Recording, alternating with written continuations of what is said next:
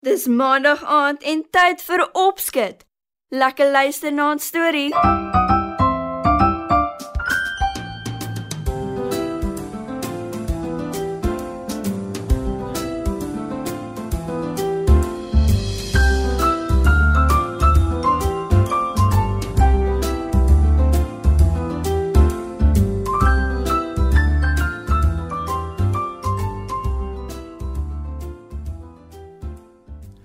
Goeienaand maats. Baie mense is vriendelik en gaaf, nie waar nie? Maar ongelukkig is daar ook nare mense wat nare dinge doen.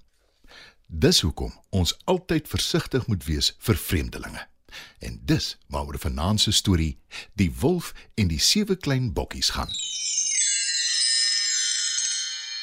Eenmaal, lank gelede, was daar 'n mamma bok wat saam met haar sewe klein bokkinders diep in die bos gebly het.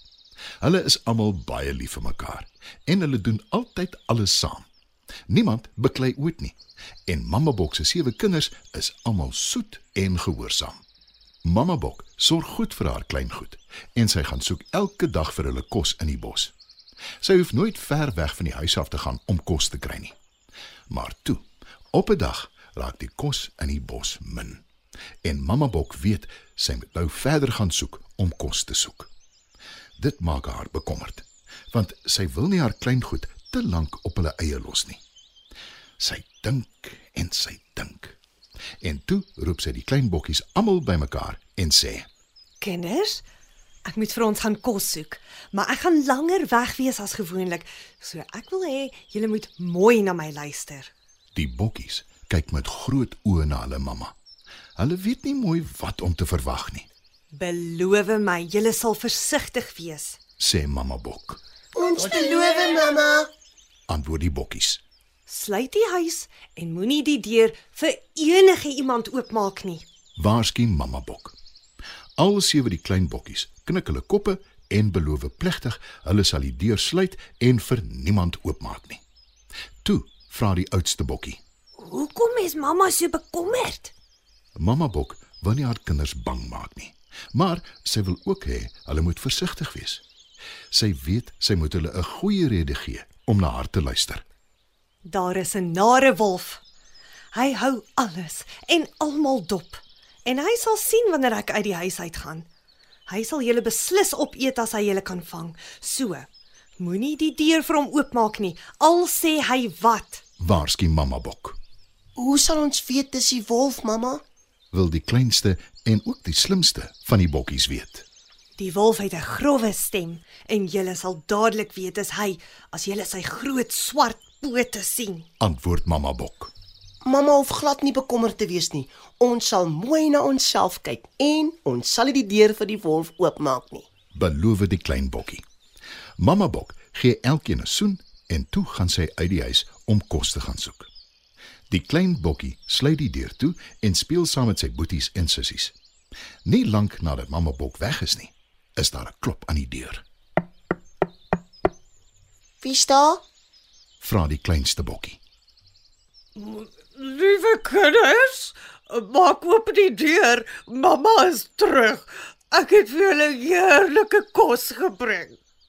Antwoord die wolf in 'n stem wat hy hoop soos hulle mamma se klink. Maar die bokkies glo hom glad nie. O nee, ons maak nie die deur oop nie. Jy jy's nie ons mamma nie. Sy het 'n fyn sagte stem. Jy is die nare ou wolf en jy wil ons vang en opeet. sê die klein bokkie. Die wolf vererg hom, want hy hou nie daarvan om uitgevang te word nie. Hy dink 'n oomblik na en toe gaan eet hy kalk om sy stem fyner en sagter te laat klink. Na 'n ruk is hy terug en hy klop weer aan die deur.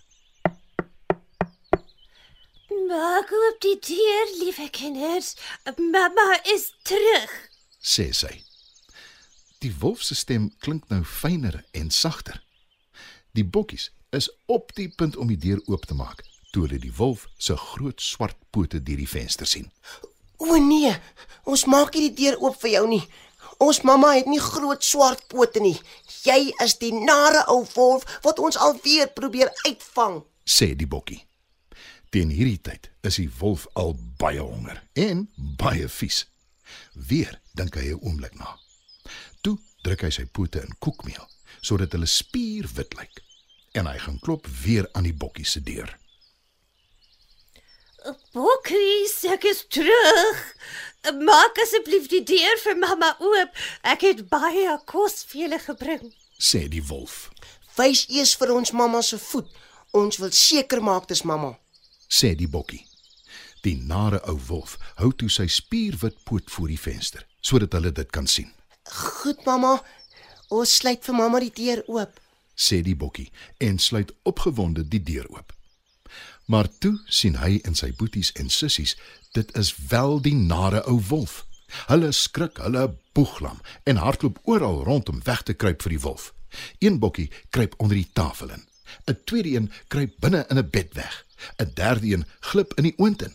Die vierde bokkie kruip in die kombuiskas weg. Die vyfde bokkie kruip onder 'n mat weg. Die sesde bokkie kruip onder die wasbak weg en die sewende bokkie, die kleinste een, klim binne in die staanhorlosie. Maar die wolf kry 6 van die bokkies en sluk al 6 heel in. So gulsig is hy. Hy soek en soek, maar hy kry nie die kleinste bokkie in die staanhorlosie nie. Die wolf loop uit die huis en gaan lê naby die rivier onder 'n boom. Sy maag is baie vol en sommer gou is hy vas aan die slaap. Die klein bokkie bly bewend in die staanhorlosie. Hy's te bang om uit te kom. Na 'n hele ruk daag mamma bok op. Sy sien haar huis se deur staan oop en sy is dadelik bekommerd. Waar is julle my kinders? Roep sy benoud. Hier is ek mamma, binne in die staanhorlosie. Die wolf het al my boeties en sissies ingesluk. Antwoord die bokkie en klim uit die horlosie. Mamma bok is nou smoorkwaad. Sy hardloop rivier toe om die wolf te gaan soek. Die klein bokkie draf agterna. Mamma bok kry die wolf onder die boom waar hy heerlik lê en slaap. Sy sien hoe die wolf se eislike pens beweeg. Is dit moontlik dat my kinders nog steeds lewe? sê sy hoopvol. En toe sê sy vir die klein bokkie. Gaan gou huis toe en gaan haal my skêr en naald en garing. Die bokkie is in 'n japtrap terug daarmee. Mamma bok slaan die wolf oor die kop met 'n stomp en sny sy maag versigtig oop met haar skêr. 1 2 3 4 5 6 spring haar kinders die een na die ander uit die nare ou wolf se maag. Hoera, julle almal leef nog. Roep die klein bokkie. En mamma bok sê: Kry elkeen goue klip en pak dit binne in die wolf se pens. Saam pak hulle wolf se pens vol klippe. Mamma bok werk wolf se pens toe. Na 'n ruk word die wolf wakker. Hy is baie dors. Wolf leun vooroor om water te drink, maar sy swaar maag maak dat hy vooroor val binne die rivier in. Met 'n gespartel kom hy uit die rivier uit. Terwyl hy sy swaar maag vashou, hinke pink hy om weg te kom. En dit is die laaste sien van die nare ou wolf. Dit was nog 'n opskets storie. Ek hoop julle het lekker geluister, maats. Tot volgende keer.